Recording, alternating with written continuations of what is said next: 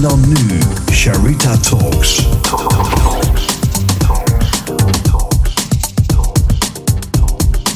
Sharita Talks. Embrace your vulnerability. Sharita Talks. Welkom mensen bij Sharita Talks, de eerste podcast uh, over kwetsbaarheid. Uh, mijn eerste gast is Kim Hendricks. En uh, Kim Hendricks heeft in de afgelopen jaren honderden groeiende ondernemers begeleid om zich aantrekkelijker te profileren in de markt. Is ook wel bekend als Lawyer of Attraction. Uh, haar snelgroeiende business en unieke gedachtegoed is zowel nationaal als internationaal opgepikt.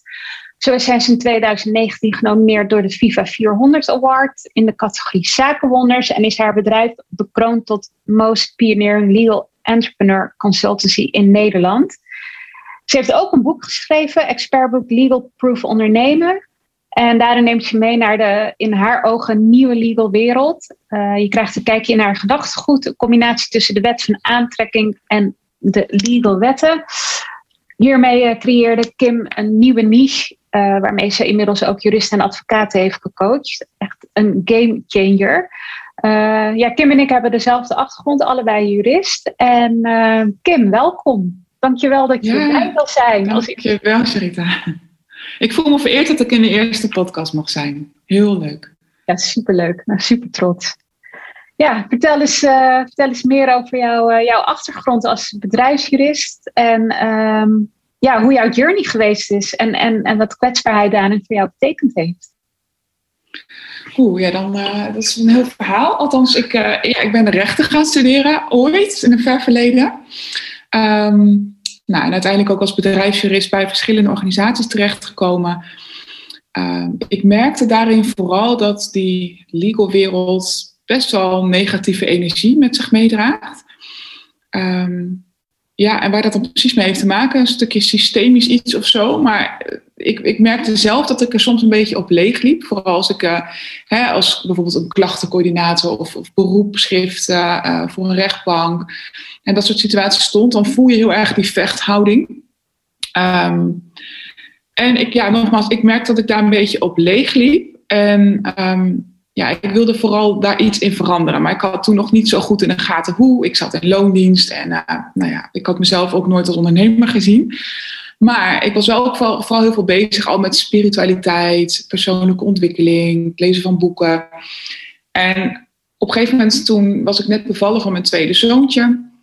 Uh, kreeg ik een uh, heftig ongeluk. Ik heb toen een uh, flinke whiplash opgelopen. Waarbij ik eigenlijk um, nou ja, terug moest naar mijn fundament. Want ik weet niet of mensen die dit luisteren uh, nou, enigszins te maken hebben gehad met een whiplash. Maar ik heb tot op de dag van vandaag nog steeds dat in mijn systeem zitten. Het is echt heel heftig. Echt een soort van burn-out uh, situatie kom je echt terecht. Dat je gewoon niets meer kan, super moe bent, duizelig. Nou, echt een rits aan klachten. En toen kwam er bovenop dat mijn moeder ongeneeslijk ziek werd. Die kreeg ALS. En ja, ik kreeg er gelijk alweer kippenvel bij. Maar eigenlijk die situatie uh, bij elkaar maakte dat ik ben gaan nadenken van... Goh Kim, wat wil ik nu echt? Wat wil ik nu echt? En nou, uiteindelijk uh, mijn, moeder goed, mijn moeder bijgestaan. Ik ben ook heel erg gaan nadenken over wat maakt ons mensen nu ziek? Waarom zijn we hier? Dat zijn natuurlijk altijd de hele wezenlijke vragen die ik altijd al wel een beetje mezelf stelde. Maar die kwamen toen echt heel specifiek naar voren.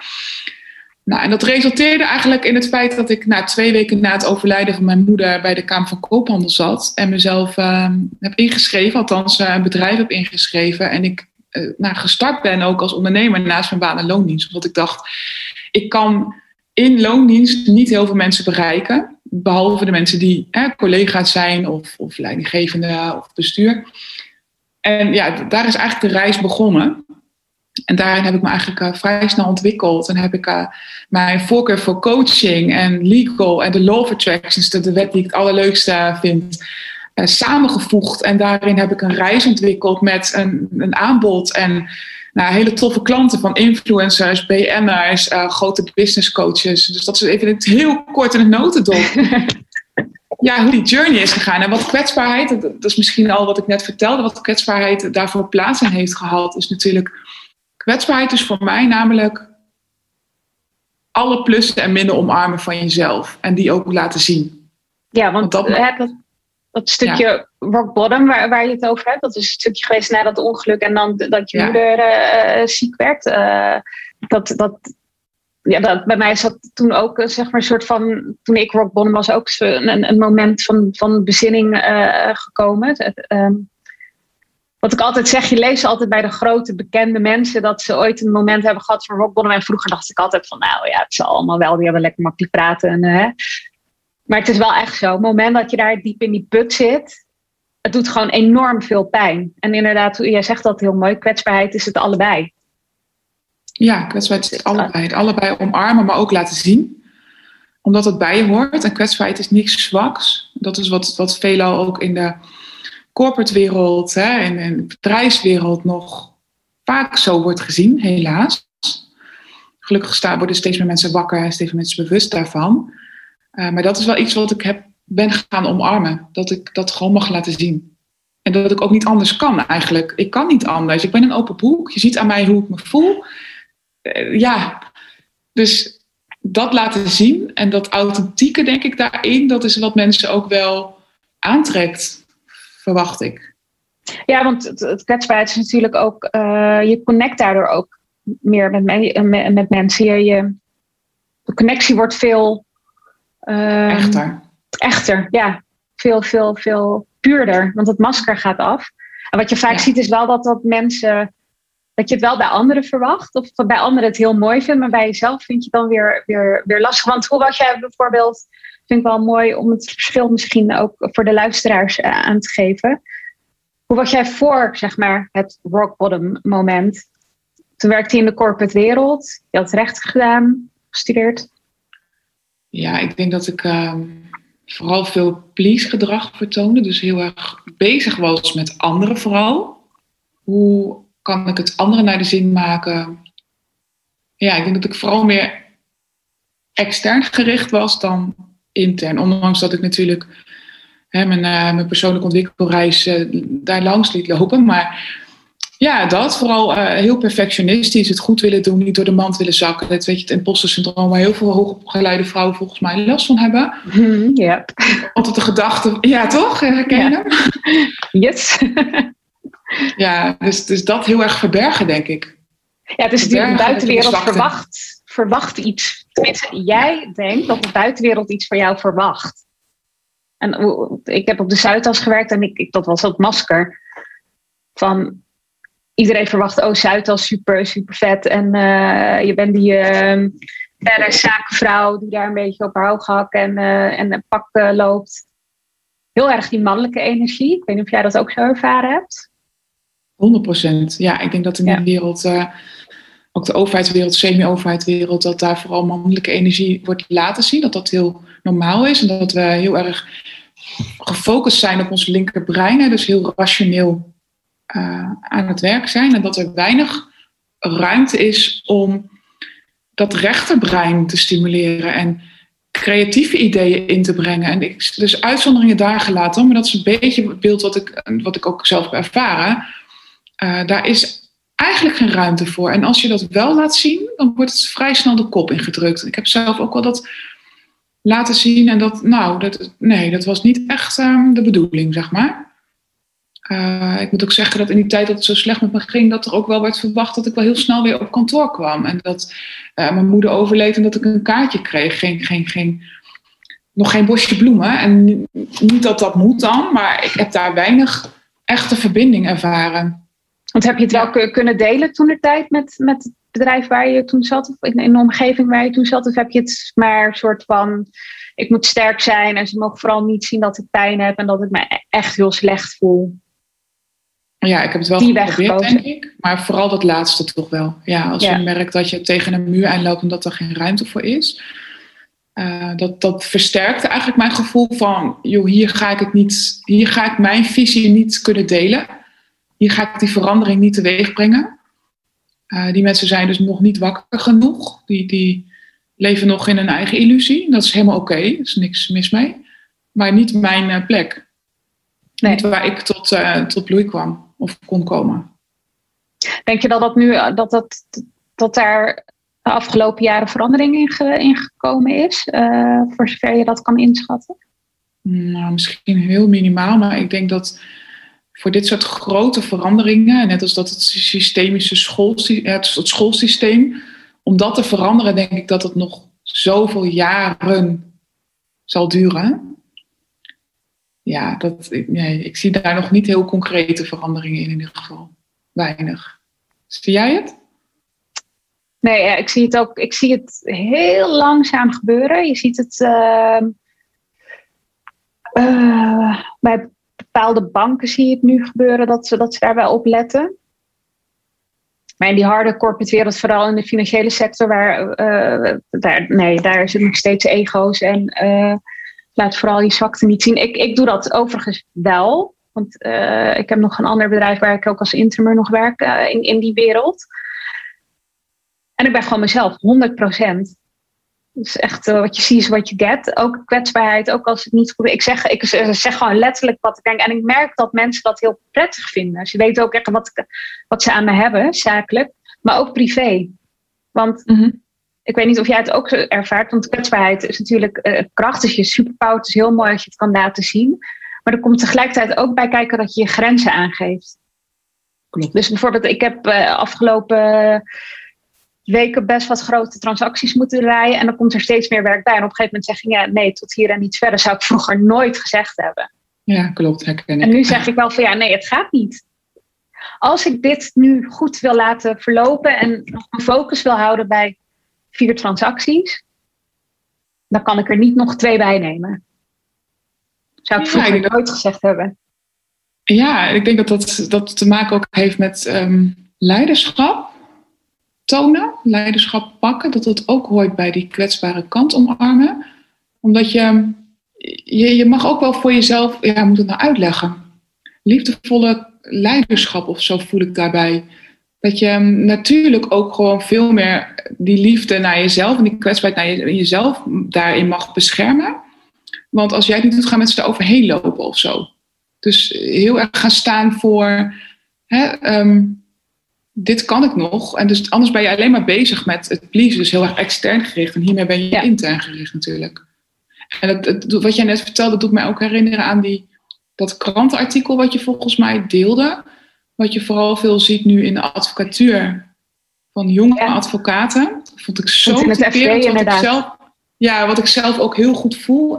En dat is dat hele systeem van, van de corporate wereld, van de advocatuur, van het schoolsysteem zij zitten in een wereld waarin verwacht wordt, of waarin eigenlijk uh, de illusie bestaat dat je 70 tot 80 uur moet maken, dat even dan dit specifiek geval, hè, dat je dan de term advocaat mag dragen. Ja, ja dat was een heel, uh, heel uh, dat, dat artikel raakte mijn missie volledig. Want ik ja, dacht echt van ja, dit is precies wat ik dus wil. even voor de luisteraars. Er stond een tijd terug een, een artikel in het FD dat uh, voornamelijk jonge advocaten op de Zuidas afhaken en een hele andere banen gaan zoeken. Omdat ze het zat zijn om 80 uur te werken en zichzelf kwijt te raken. en vooral niet mogen zeggen, voor hun gevoel, maar ook daadwerkelijk niet mogen zeggen, dat ze het werk niet aankunnen. Of dat ze meer tijd willen met hun gezin. Vaak ook jonge gezinnen. Dat wordt, dat wordt afgestraft door partnerschap uh, uh, kwijt te raken. Of uh, gewoon, ja, je wordt gewoon letterlijk afgestraft. Ja. En ik las dat artikel en ik heb het gedeeld op LinkedIn met, nou mensen, dit, dit is nou precies wat ik wil veranderen. En, ehm, en, ik, en ik, ik heb ook gezegd op LinkedIn, en terwijl mijn, mijn netwerk op LinkedIn bestaat voornamelijk uit deze groep dat ik het heel kwalijk vind dat het nog steeds zo is. Dat, dat het nog steeds zo, ja, ik noem het bijna ouderwets. Waarom wordt er niet geluisterd naar deze jonge mensen die duidelijk aangeven van goh, ik trek het niet, ik wil met mijn gezin zijn, ik wil, meer, ik, ik wil een beter, beter balans. Ik denk ook dat als je een beter balans hebt tussen werk en privé, dat creativiteit en ondernemerschap veel meer gestimuleerd wordt mm bij deze mensen wordt niet naar geluisterd. Dus wat gebeurt er? Deze mensen gaan weg. Deze jonge, jonge mensen gaan weg. En, en je hebt een tekort in, in die wereld. En uh, ja, ik vond, ik vond het heel schrijnend om, om te lezen dat het niet veranderd is. En het is niet alleen in de advocatuur hoor. Ik zie het ook in de financiële sector. Dat heel veel mensen zeggen, nou, ik ben er klaar mee. En Ik weet natuurlijk niet hoe het bijvoorbeeld bij de Unilevers en de Aals, uh, dat soort bedrijven zit. Maar volgens mij is daar wel langzaam aan een verschuiving gaande. Uh, bij de Big Four weet ik wel dat dat, dat, dat, uh, dat, dat zo is. Wat ik hoor via via. Maar wat ik wel interessant vind, want je hebt het al een paar keer een beetje tussen de lippen door gezegd, het schoolsysteem. Ja. Want het begint natuurlijk al van jongs af aan. Als ik naar mijn eigen situatie kijk, dat is al van jongs af aan. Je groeit op in een bepaalde omgeving.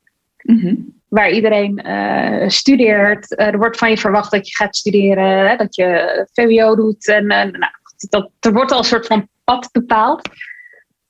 Waarin echt dat voelen en vanuit kwetsbaarheid zeggen van goh, nee, ik, ik wil dit niet of ik voel dat ik wat anders moet. Dat die ruimte is er, is er niet. Dus het is al gewoon studeren, hockey, uh, uh, studentenvereniging, andere, een ander type bestuur als mijn eigen weg bekijk. Maar ook degene, de experts, ja, zoals jij, maar ook andere mensen die ik gesproken heb. Iedereen heeft ongeveer datzelfde pad, pad gevormd. Dus je ziet inderdaad al dat het van de jongs af aan al gebeurt. Dus ook al in het schoolsysteem. Uh, ja. Ik weet, hoe, hoe ervaar jij dat? Want ik weet dat jij twee, twee zoontjes hebt. Uh, um. Ja, precies. Ik heb twee jonge, jonge kinderen. Mijn zoontjes zijn inmiddels uh, zeven en negen. Met de oudste die echt compleet vastloopt in het systeem. Omdat hij allerlei stempeltjes inmiddels ja, op zijn voorhoofd heeft staan. Um, ik zou eerlijk gezegd willen dat de kennis die ik nu heb, dat ik die had toen ik moeder werd. Op het gebied van hypnose, belemmerende overtuigingen, maar ook um, kansen zien. Ik noem maar even het boek Rich Dad Poor Dad, dat mijn ogen ook heeft geopend op het gebied van um, ja, belemmerende overtuigingen in de wereld waarin je opgroeit. Want ik, ik, um, met, met, ik heb een super fijn gezin. Hè? Ik bedoel, ik heb echt de beste ouders van de wereld gehad. en die wisten ook niet beter, maar daarin werd ook verkondigd van ga naar school. Uh, zorg dat je goede cijfers haalt. Zorg dat je gaat studeren. Dat je een goede baan krijgt. En tot aan je pensioen, dat je je pensioen veilig stelt. en neem risico's. Spaar vooral veel geld. En dat is het. Dus dat is heel erg herkenbaar waarschijnlijk voor veel mensen. Maar ik ben zodanig mezelf aan het ontwikkelen. Hè, op, al dat, die vlakken die ik net noemde. Uh, waardoor ik nu weet dat, dat uh, tot zeven jaar zit je in een, in een hypnose, je zit je brein letterlijk in een hypnose staat, waardoor je heel ontvankelijk bent voor ideeën, voor, voor uh, alternatieven. Ja, weet je, ze zijn nou eenmaal op school, dus je kan dat niet beïnvloeden, ja. maar ik, zou, ik, ik, ik ben zelf daar nu heel erg mee bezig. En ik, dat, nogmaals, ik had dat willen weten toen ik een aantal jaar geleden dus moeder werd om ze te leren. Ik heb bijvoorbeeld een boek voor ze gekocht uh, voor kinderen, wat de wet van aantrekkingskracht inhoudt. En wat je mind, waar je mind allemaal toe in staat is. En als ik ze bepaalde dingen hoor zeggen waarvan ik denk, oh, dat is het systeem, dan probeer ik ze daar een soort van alternatieven voor te geven. En ik probeer ze heel erg te leren wat, wat de energie van geld is en hoe je geld kan maken in plaats van het op de bank zetten en geld maar uitgeven. Dus ja, joh, ik, ik zou willen dat het schoolsysteem, dat, dat de kinderen op school veel meer op, op dat soort onderwerpen, mindset, money mindset, hypnose, hè, law attraction, dat ze daarin getraind worden dan, eh, en opgeleid ja, dan, dan wat er nu gebeurt. Er staan gelukkig mensen op en ik denk dat het ook al een tijdje gaande is. Maar nogmaals, ik denk dat dat heel lang duurt voordat dat helemaal op zijn schop ligt. Want ik denk dat zeker de, nieuwe generatie die steeds op zo'n school terechtkomt met frisse nieuwe ideeën, die lopen ook vast in lange dagen. En zo wordt het hier. En er is weinig ruimte voor die creativiteit. Althans, dat is de indruk die ik zie of heb. Maar misschien moeten de ouders gaan opstaan en kinderen dan buitenschool. Uh, uh, ze daarin trainen, coachen, uh, opleiden. Dan wel dat heel veel mensen in ieder geval zich aanbieden op scholen om daarin hulp te bieden of zo. Dus ja, ik voel dat heel sterk. Zeker, ik had dat nooit zo heel erg. Ehm, hè, dat, ik, dat, dat ik met die kinderen bezig ben. Maar ik nu zelf moeder ben, denk ik: hé, hey, wacht even. Kinderen die zijn uh, de verandering van de wereld. En ik zie dat vooral heel veel kinderen die nu geboren worden, al in een andere frequentie worden geboren. Want hè, vroeger werd je geboren en toen was er alleen maar uh, bepaalde groenten in de winter, ik noem maar wat. En nu hebben we alles. Dus als moeder heb je een hele andere energie en heb je een heel andere voeding tot je te nemen. Dus heel veel kinderen zijn al, ja, kristalkinderen of geef het een term. Ik heb geen idee wat er voor namen allemaal voor zijn. Maar het is niet voor niets dat klassen overstromen met kinderen die ADHD hebben, ADD, autisme, ehm, dyslexie, dyscalculie. Het zijn allemaal kinderen die voorkeur hebben voor het rechte, gebruik van het rechterbrein. Niet meer, niet minder. Maar het moet dan allemaal op een speciale school. Nee, dit is, dit is de norm aan het worden. En hier moeten we wat mee. Dus ja, ik voel daar wel wat voor. Ja, ja het is. Het is uh, dat was duidelijk. Je dacht het, ja. Nee, mooi. Ja, dat heb je heel mooi gezegd. Want die beperkende gedachte, dat is ook wat ik, wat ik, eh, waar, ik, waar ik op, op coach. Dat, dat loslaten. Want dat is natuurlijk ook de beperkende gedachte die op kwetsbaarheid zit. En die, al, die kinderen al heel jong meekrijgen. Van laat je kwetsbaarheid niet zien, want uh, anders denken ze dat je, ja, wat is het, dat je zwak bent. Ja, tegen, ik heb jongens, hè, dus tegen jongens wordt eigenlijk al heel snel gezegd. Niet huilen, verman je, doe eens wat stoerder. Uh, en ik ben juist, dat is, mijn man heeft dat met name ook nog best wel sterk. Ik ben juist heel erg van, nee, laat je emoties maar gaan. Moet er zijn, mag er zijn. Ja, voel. Ja, ja, inderdaad. ja, wat voel je? Nou, dat is wel mooi om te zien dat dat echt helpt. Want ik hoor echt van docenten terug dat mijn oudste heel erg zijn gevoel kan uitspreken. en dat hij heel goed kan um, uitdragen wat hij voelt. Want hij is zo prikkelgevoelig, waardoor hij al die stempels inmiddels heeft. En hij kan uitleggen wat hij voelt, waar het vandaan komt en wat, wat hem gaat helpen. Dus dat hij een bepaalde plek in de klas wil, of dat hij even moet staan en, en op een he, bewegelijk uh, een toets moet maken. Ja. Dat kan hij zelf aangeven, gelukkig. Dus daar mogen we naartoe. En ik ben blij dat je inderdaad daar mensen op koos. Uh, want dat gevoel, dat, dat, is, dat is je kompas. En dat zijn we een beetje kwijtgeraakt met z'n allen. En we zijn er bang voor. Het is heel, het is heel erg uit je comfortzone stappen. Van, uh, uh, als ik, ik heb wel eens gemerkt dat ik ergens zat en dat, uh, nou goed, dat heb ik je wel eens eerder verteld. Ik haal letterlijk om alles. Zeg maar. maar. Ik was deze podcast zondag aan het voorbereiden en ik heb je ook al inderdaad van, ik zit gewoon te huilen terwijl ik je, je, je, je verhaal lees, wat ik het verhaal al kende.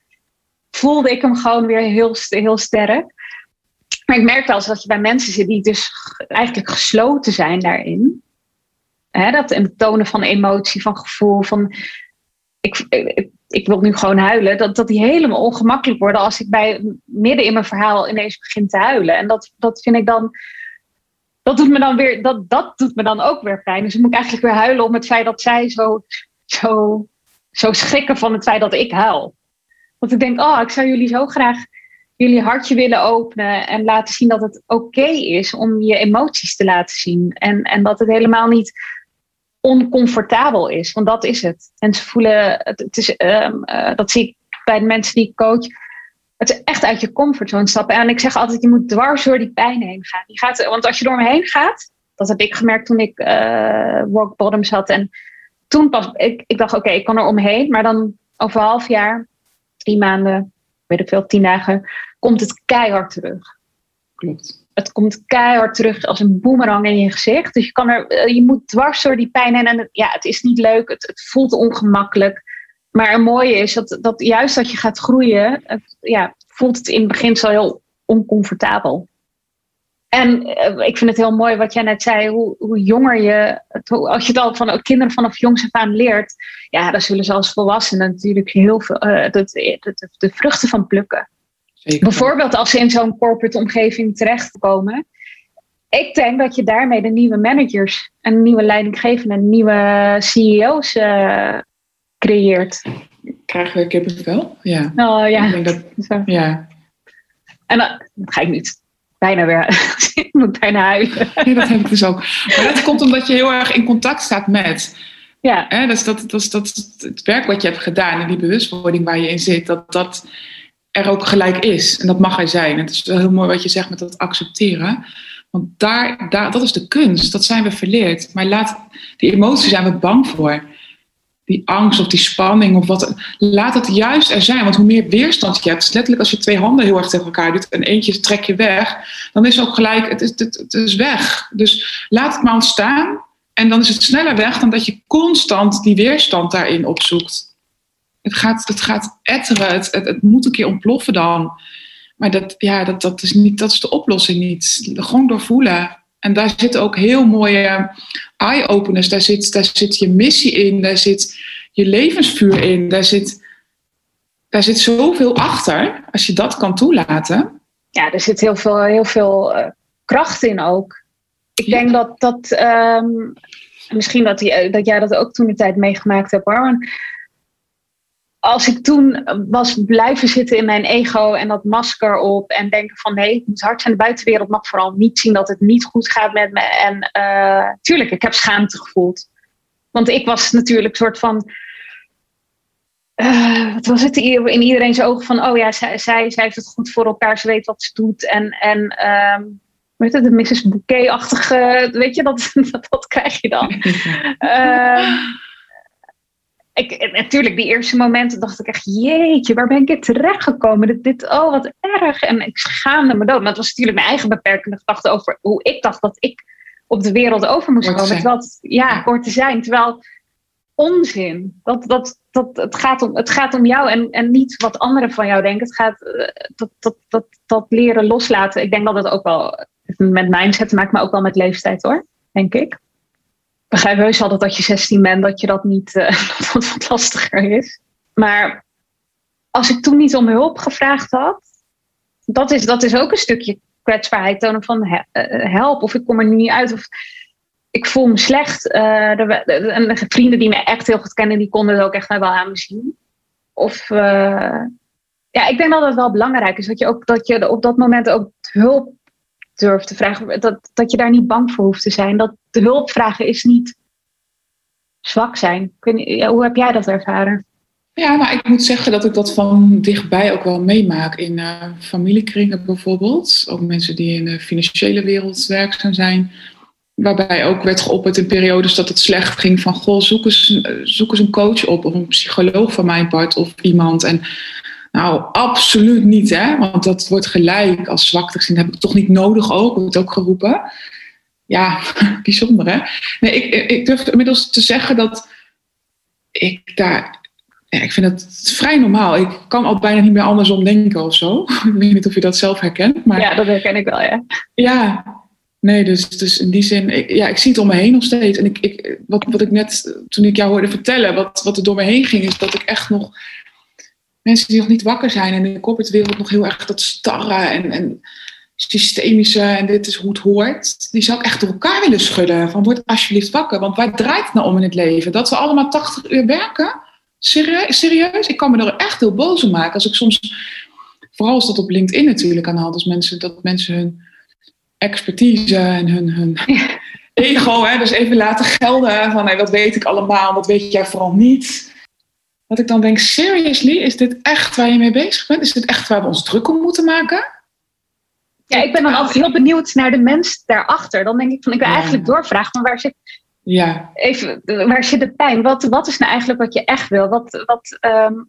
wat drijft je? Weet je wel, dat je ja. neiging gelijk te gaan coachen eigenlijk. Ja, ja, ja, ja, dat is natuurlijk weer ons valkuil. Maar... Ja, beroepsdeformatie. Ja. Ja, klopt. Nou, maar dat, dat, ja. Ja, het is vooral zo zonde zo zonde. En het, als ik dan voor mezelf kijk, bijvoorbeeld de afgelopen anderhalf jaar met die hele COVID-situatie. Ja, ik, ik ben inmiddels al jarenlang dat ik heel bewust kies met wie ik omga, wie ik in mijn bubbel laat, wat ik in mijn brein projecteer. Dus ik kijk ook uh, zelden tot nooit, eigenlijk meer nooit dan zelden, nieuws. Ik, ik heb die hele vooral die beginperiode met, met COVID, joh, weet je, ik, ik heb mijn thuiskantoor. Ik deed mijn werk al sowieso al heel veel vanuit het kantoor. Ik heb het helemaal niet meegekregen. Ik, had, ik heb totaal geen angst gevoeld. Nog steeds niet. Ik heb zelfs een keer, weet ik nog, aan een vriendinnetje van mij gevraagd. Um, hey, hoe was het stappen dit weekend? Ze ging altijd stappen naar de kroeg. En toen zei ze, uh, Kim, ik zeg ja. Alles is gesloten, weet je nog? Oh ja, het zit helemaal niet in mijn wereld. Ik, ik, ik ben er ook niet mee bezig. Ik kijk er ook heel anders tegenaan. Je ziet natuurlijk heel veel nu die, die polariteit ontstaan. Hè? Heel veel mensen die helemaal tegen zijn en tegen vaccineren en geloven dat het allemaal niet bestaat. En mensen die helemaal voor zijn en die gewoon puur alleen maar naar de mainstream media luisteren. Ja, ik zit altijd in dat non-dualistische veld. Ik heb het ene niet en het andere niet. En allebei is uiteindelijk ook het uiterste van hetzelfde. Ja. Eh, ja, ik kan het niet anders omschrijven dan dat. Ik ben er gewoon niet mee bezig. Ik kijk er heel anders tegenaan. Ik, ik kan niet anders. Het is gewoon niet mijn realiteit. En ik gun anderen dat ook, want het is zo bevrijdend en zo relaxed eigenlijk. En daar zit echt het geluk van. Ik merk ook dat ik vooral nu heel erg behoefte heb aan nog minder prikkels, nog minder materialisme. Uh, het enige wat telt is, is hè, dat je lekker zit in een, in een fijne energie in je huis. Dat, je, dat er genoeg geld is. In ieder geval geld waar je, waar je geen geldzorgen in hebt. Dat je het gewoon dat je, je geregeld hebt daar zit ik vooral nu in. Ja, en dan ga ik, volgens mij ga ik nu een hele andere kant op, maar ik pak gewoon de energie die gewoon in me zit. Nee, het is, het, het is heel mooi, want uh, voor de luisteraars, we hebben hiervoor ook al gesproken en dat kwamen we ook bij dit onderwerp, wat heel ja. mooi was, dat we dachten van dit, dit, is, dit is ook podcastwaardig. Uh, maar ja. het, waar, waar ik, nou, ik vind het wel een mooi bruggetje naar wat, wat ik bijvoorbeeld in mijn coaching waar ik gebruik van maak, is frequenties. Dus op welke energie mensen zitten. En dan zijn er natuurlijk allemaal heel veel mensen zitten zit best wel laag in, in, in hun frequentie. Weet je, jaloezie, uh, uh, schaamte, dat, dat zijn allemaal boosheid. Dat zijn allemaal van die la, lage, lage frequenties. En, en ja. um, liefde, gewoon dat je, inderdaad dat je tevreden bent, dankbaarheid. Dat zijn allemaal hogere frequenties. Ja, klopt. Ik kan niet zeggen dat ik, dat ik verlicht, dat verlicht ben. Als je verlicht bent, heb je ook geen, geen dan heb je ook, ben je ook los van alles. Hè? Dus ben je ook los van, van de mensen om je heen. En dat is uiteindelijk ook niet wat ik wil natuurlijk. Nee, nee. Uh, dat, dat, ik, dat, dat ik ook los ben van, mijn, van, mijn, van bijvoorbeeld mijn neefje van één. Of jij van je kinderen of en je man. Dat, dat, dat, dat, dat.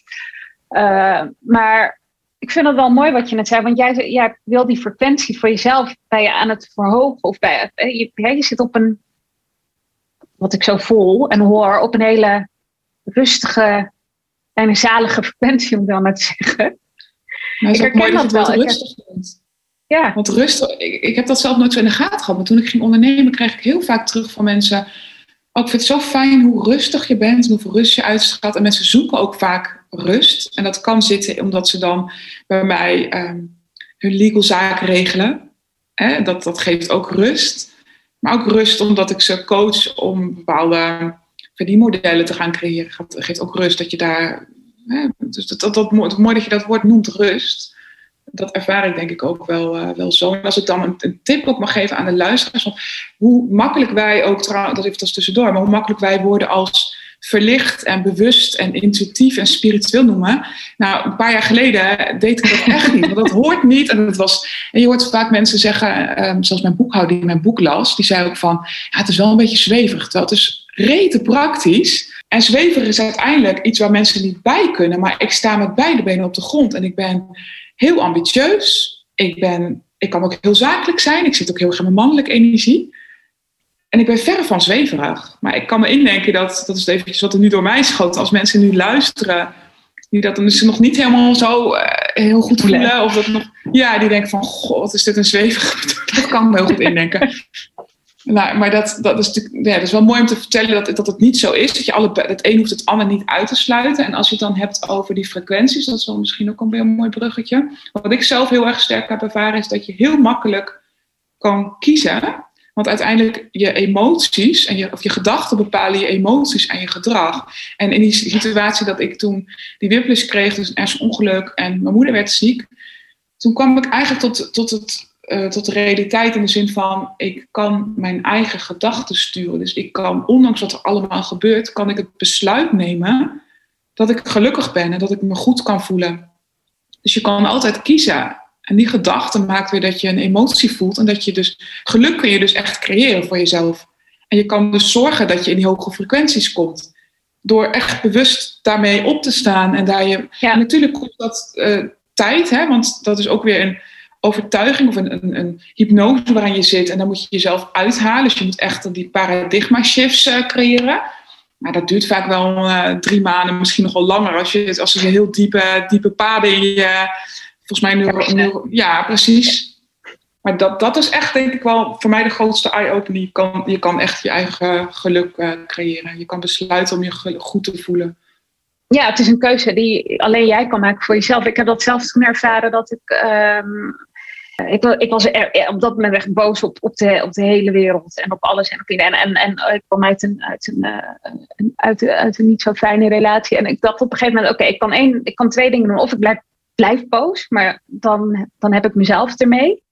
En dan kom ik echt niet verder op, met, met die boosheid en die lage frequentie. Of ik vergeef mijzelf voornamelijk.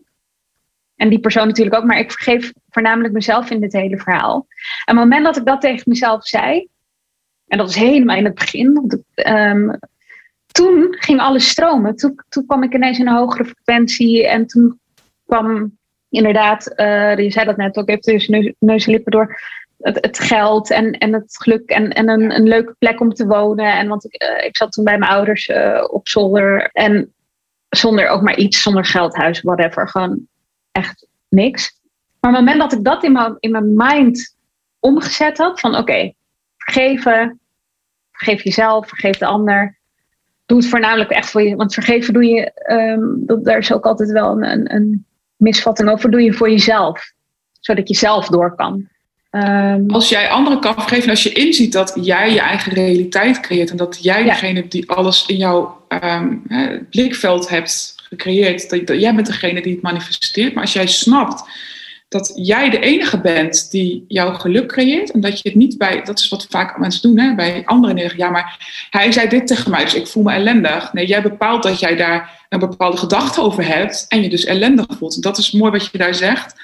Jij bent de enige die de slingers ophangt. Je bent de enige die dat kan creëren. En niks, in, uiteindelijk niks in jouw buitenwereld kan jou schaden, tenzij het iets raakt in jezelf. Dus het- je hebt alleen maar nodig dat je zelfliefde creëert en dat je anderen kan, of vooral jezelf, wat je zo mooi zegt, kan vergeven. Dus dat is een hele belangrijke, denk ik, in deze. Ja, ja en, het- en, en ook in het hele, hele, in, eh, in het hele je kwetsbaar opstellen. Want het is, het is, dat is echt kwetsbaar, op, eh, je, je kwetsbaar opstellen naar jezelf. Echt naar jezelf Ja. kijken. Wat heel veel mensen ook, ook lastig vinden. En dat is ook niet zo gek, want je moet ook heel kritisch zijn naar jezelf op dat moment. Heb je echt alle, alle, alle lagen afgepeld? Kom je echt Ja. tot de diepste kern? Want dat, dat, mensen doen vaak wel persoonlijke ontwikkeling, maar echt door die, naar die kern toe, dat is, dat is nog lastig vaak, hè? Ja, dat is, dat, dat is ehm, want je, eh, eh, ehm, ik kwam er gewoon achter dat ik mezelf verloren had. En ik heb het, ik heb het nog regelmatig met mijn ouders erover. En die zeggen ook van ja, maar je was jezelf gewoon, je was, gewoon, je was even, even, de, weg- even de weg kwijt, zo maar te Ja. zeggen. En, en dat besef dat, dat, dat, dat, dat je dan eigenlijk jezelf open moet breken. En naar je kwetsbare ik moet gaan kijken van goh, hoe kan ik mezelf daarin vergeven en hoe kan ik nu weer verder en, en hulp vragen en je frequentie verhogen. Het zijn alles eh, speelt tegelijk. Maar het kan. Dat, dat wil ik de luisteraar meegeven. Het kan, het kan. En het, het- ja, luister maar naar ons verhaal. Het, het, is, het is mogelijk. En, en geduld hebben. En ik, ik spreek even voor mezelf. Ik heb van nature geen geduld. Dus het, het Oh, heeft me heel veel. Ja, dat dacht ik al. Eh, dus het was ook een hele mooie les in lief zijn voor jezelf. Dat geef ik me in mijn coaching ook mee. Zelfliefde.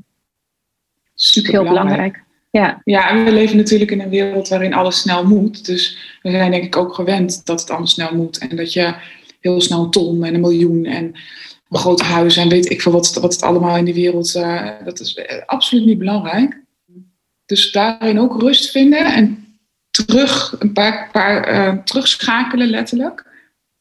Ja, dat, dat, is zo, dat is ook zo bevrijdend. En weet je, de, wet van de polariteit komt dan ook naar aanleiding van jouw verhaal weer bij me op. Want hè, als het al alleen maar vlak is, is het ook saai. Dus zo'n omarm ook een periode als het slechter gaat. Want dan, hoe, hoe dieper je zit, hoe eerder je voelt van, oh ja, maar nu wordt het beter. Dus het, het, het, en bovendien, juist de kracht zit hem in die lage bottom momenten. Daar, daar zit vaak Ja. de kracht of de verandering ehm, voor het leven. daar zitten vaak de leermomenten. Daar zitten de leermomenten. En daar, weet je, mensen hebben het vaak over goed en fout. Maar hoezo bestempelen we zo'n moment als fout? Wat is dan fout? Dus jezelf anders leren labelen is ook wel heel lekker hoor. Dat, dat, dat probeer ik mezelf ook altijd te vertellen. Van wat, wat, hoe label ik nu? Kan ik daar een ander label op, uh, op zetten? Want ja, is ook maar iets wat we, wat we elkaar vertellen. Dat iets goed of fout is. En dat regen slecht is en zon goed. Regen kan heel lekker zijn bijvoorbeeld. Hè? Maar een beetje, als je soort van in die het stond, en we, we zitten natuurlijk voor 95% op de dag in een hypnose staat. In het onbewust. Hè? Dus we doen heel veel onbewust. Van, van bewegingen tot, tot, tot ja, eigenlijk alles. Knipperen met je ogen bij wijze van. Dus als je daarin wat bewustere keuzes kan maken, nou ja, dan. eh, Ja, dan gaat er de wereld, eh, wereld weer open inderdaad de winkel. Ja, we Ja. voelden hetzelfde. Het is, eh, ik zeg altijd, zonder, zonder licht is er geen donker. En zonder donker is er geen licht. Ik ben dat donker echt gaan omarmen. En het, eh, ook voor de luisteraars, het is niet zo dat, dat wij nu als een soort van op een roze wolk zitten de hele dag en alleen Oh, maar eh, unicorns en rainbows. Het, eh, ehm, het leven is nou eenmaal zo dat er continu wordt je getest door de universe, door whatever je het voor naam wil geven. En ik Rond kies daar bron. wat, ja, precies. Ja. Ehm, en ik kies daar al, ik, ik kies daar tegenwoordig voor me altijd om in mijn kwetsbaarheid te gaan staan en te gaan voelen en duidelijk naar die andere persoon te communiceren van ik voel me, ehm, ik, voel me ik, ik voel dit. En ik heb tot, tot, tot iedere keer dat ik dat nu tot nu toe gedaan heb, of dat nou is met een, met een, met een date, met een vriendin, met, eh, met, met, met, met, mijn broertje, met mijn ouders, de communicatie is duidelijk. Het is vanuit jouw gevoel, jouw kwetsbaarheid. Het zorgt altijd voor een, eh, een, mooie reactie, laat ik zo zeggen. Dus ik ben het misschien niet altijd met elkaar eens, maar het zorgt wel voor dat je bij de anderen ook iets openbreekt. Klopt. Ik denk dat communicatie ook, zeker als ik het heb over die legal wereld, waar we natuurlijk ook allebei uitkomen, dat daar ook een sleutel ligt. Want waar ik zelf vooral behoefte aan had, is dat als je kijkt naar bijvoorbeeld geschillen of klachten of nou ja, rechtszaken, er zit vaak een hele andere behoefte onder. Dus ik vind het altijd heel interessant. Wat is, daar kwam ook het gevoel, eh, het interesse voor coaching vandaan. Wat is nou die laag eronder? Wat, wat, wat drijft mensen om het juridische zo aan te grijpen om daarmee verder te gaan? Dus communiceer ook vooral, wees kwetsbaar in wat drijft je en wat is het werkelijke probleem. En dan kun je vaak veel mooiere oplossingen creëren dan alleen maar ja, het systemisch van het juridische. Ja, en de hardheid. Communicatie is key. En de hardheid. Ja. Ja. ja. Ik, ik, ik geloof er heilig in dat, dat er in boardrooms veel betere deals gesloten kunnen worden. Veel sneller ook. Als er niet. eh, als er op een, op een meer. op een andere manier gecommuniceerd wordt. Ik wilde zeggen wat zachtere manier, maar dan. Weet je, je hebt natuurlijk. mannen communiceren nou eenmaal anders dan vrouwen. Maar meer vanuit. wat wil je echt? In plaats vanuit ego's en hardheid en, en, en geld speelt natuurlijk vaak een rol. Maar je kan e- echt wel het, het, de deal sneller voor elkaar krijgen als je vanuit die zachtheid meer communiceert. Vanuit je, uit je gevoel. In plaats vanuit je ego en vanuit iemand met het masker op. Dus niet vanuit je authenticiteit. Dat, dat is wat ik wilde zeggen. Eens, zeker. Daar liggen enorme kansen, denk ik, eh, voor de legal branche. En ik heb wel eens artikelen al gelezen over. ehm, volgens mij waren dat juristen of hoogleraren die vonden dat de juristen die opgeleid werden, dat die ook veel meer ehm, op dat vlak opgeleid zouden mogen worden. Dus coachvaardigheden. Misschien zelfs wel, stond er niet hoor, maar dat is wat ik nu zelf bedenk. Meer hypnose, overtuigingen, belemmerende overtuigingen met name bedoel ik dan. Uh, waar liggen de kansen buiten het werk? Want natuurlijk heb je de legal wereld nodig. Natuurlijk hebben we regels nodig. Maar ik, ik, ik fiets daar dus, dat is een beetje mijn niche natuurlijk geworden, de law of attraction in. Mhm. Uh, als je alleen maar regelt, je mag dit niet, je mag zus niet, uh, je krijgt een boete. Al die negatief geladen woorden, als je dat constant verkiest in documenten, in woorden, in taal, dan is dat wat je naar jezelf toetrekt letterlijk. Dus daarin liggen alleen al kansen. Ik had, ik had er nog eentje wat ik daaraan wilde toevoegen, omdat daar die love checks is voor mij een soort van heilig geworden. Want als ik daar constant naar terug ga, als ik het ook even niet meer weet, natuurlijk inderdaad ben ik er niet alleen maar bezig met uh, mediteren en unicorn, verre van zelfs. maar dit is voor mij echt zo'n zo'n leidraad geworden, ik, waar ik elke keer op kan terugvallen van, oh ja, hé, hey, zo'n remindertje van het, het kan anders. En die regeldrift en alles maar willen regelen en alles willen voorkomen en risico's, dat, dat, dat, ja, dat brengt je uiteindelijk nog meer van hetzelfde. En nog meer regeltjes. En we moeten ons nog meer aan dingen houden. En we krijgen nog meer geschillen. En de rechtbanken lopen helemaal vol met werk. Ja, ik weet niet. Ik, ik- ja, ik heb, het- je ziet, hoort aan mij misschien dat ik ook in mijn missie en in mijn gedachtegoed ook nog vaak een beetje zoekende ben. En, en hoe dan en wat dan. En, maar ik voel daar vooral heel veel dingen in. En dat probeer ik dan Mhm, zo een beetje te verwoorden. Van daar zitten wel enorme kansen als je dat allemaal, allemaal een beetje omarmt in die wereld. En de financiële wereld ook natuurlijk precies hetzelfde. Ja, hetzelfde. Ja, we zouden Zeg je? ik was ik daarin heel wazig. Want soms dan vertel ik gewoon wat er in, op, in me opkomt. Maar omdat ik daar vooral veel, veel dingen voor voel en zie. En dat er een enorme vuurtje bij mij gaat branden als ik daar Nee, maar ik denk dat, dat als de luisteraars dit horen en ook de mensen die in, in die wereld nu, nu werken, eh, dat er echt wel wat aangaat. Ik merk dat zelf ook. Want als ik dan over mijn missie vertel en over hè, de kwetsbaarheid in de corporate wereld, dan, dan zie je wel dat mensen denken van, oh ja, er moet inderdaad iets veranderen. Maar ik denk dat wat er dan nog... en hoe dan. En, Ja, ja. ja. Mhm. En er zit natuurlijk nog een oude lichting die nog met de, de beperkende gedachten zit. Hè? Dat is zeg maar eigenlijk de generatie voor ons. Hè? Onze ouders en, en eh, die, die generatie die logischerwijs gewoon in die tijd hele op die manier Mhm. leefde en, en, en eh, hun zaken aanpakte. Dus wat jij helemaal in het begin zei, die shift komt wel, maar het, gaat, het gaat een paar jaar overheen. En uiteindelijk zul je zien dat inderdaad de, ki- de kinderen van nu, die straks over 20 jaar, 30 jaar, eh 40 jaar, dat- dat de CEO's zijn, ik- ja, dat, dat is natuurlijk een hele andere slag Een mens. andere wereld. Ja. Ja. heel mooi. ja. Nou, het, het, mooi, het mooi gesprek met al, al- alle, alle facetten zijn, zijn aan bod gekomen, volgens mij.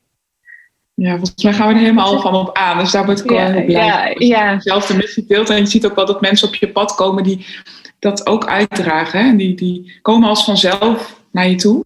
Omdat, want ik geloof erin dat je het niet in je eentje kan. En dat je elkaar nodig hebt om in ieder geval daar een beweging in te gaan creëren.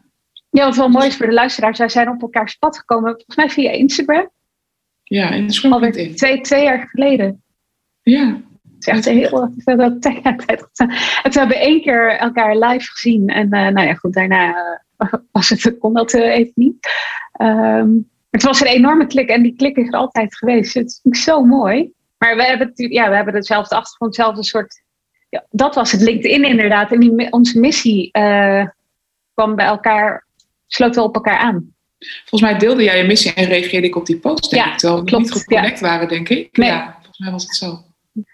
En nog steeds is die, eh, ja, wij kunnen altijd uren praten over van alles. en nog wat, we gaan dan super diepe filosofische gesprekken aan. Dan gaan we jullie nu niet mee, eh mee vallen. lastigvallen. Maar misschien komt er al een, een vervolgpodcast. Want volgens mij kunnen we, kunnen we ja, de wereld nog meer mooie tools aanbieden. Zeker. En vertellen hoe wij doen, in ieder geval. Mijn Ja. laatste vraag om af te sluiten is: ehm, heel, kort- kan je in, in een paar woorden omschrijven wat kwetsbaarheid voor jou betekent? Ja, misschien wat ik op het begin eigenlijk al een beetje zo zei, is dat het ehm, kwetsbaarheid zijn alle plussen en minnen die er, eh, die er in jou zitten en die omarmen en volledig mogen tonen. Wat uiteindelijk een kracht is. Ik denk dat dat voor mij kwetsbaarheid is. Ja, mooi. Mooi, dankjewel. Dankjewel jij voor je tijd en, eh, en voor het mooie gesprek. En eh, ja, fijne dag verder. Jij ook. Tot zover deze editie van Sharita Talks. Wil je meer weten? Ga dan naar completingthecircle.nl. Sharita Talks. Embrace your vulnerability.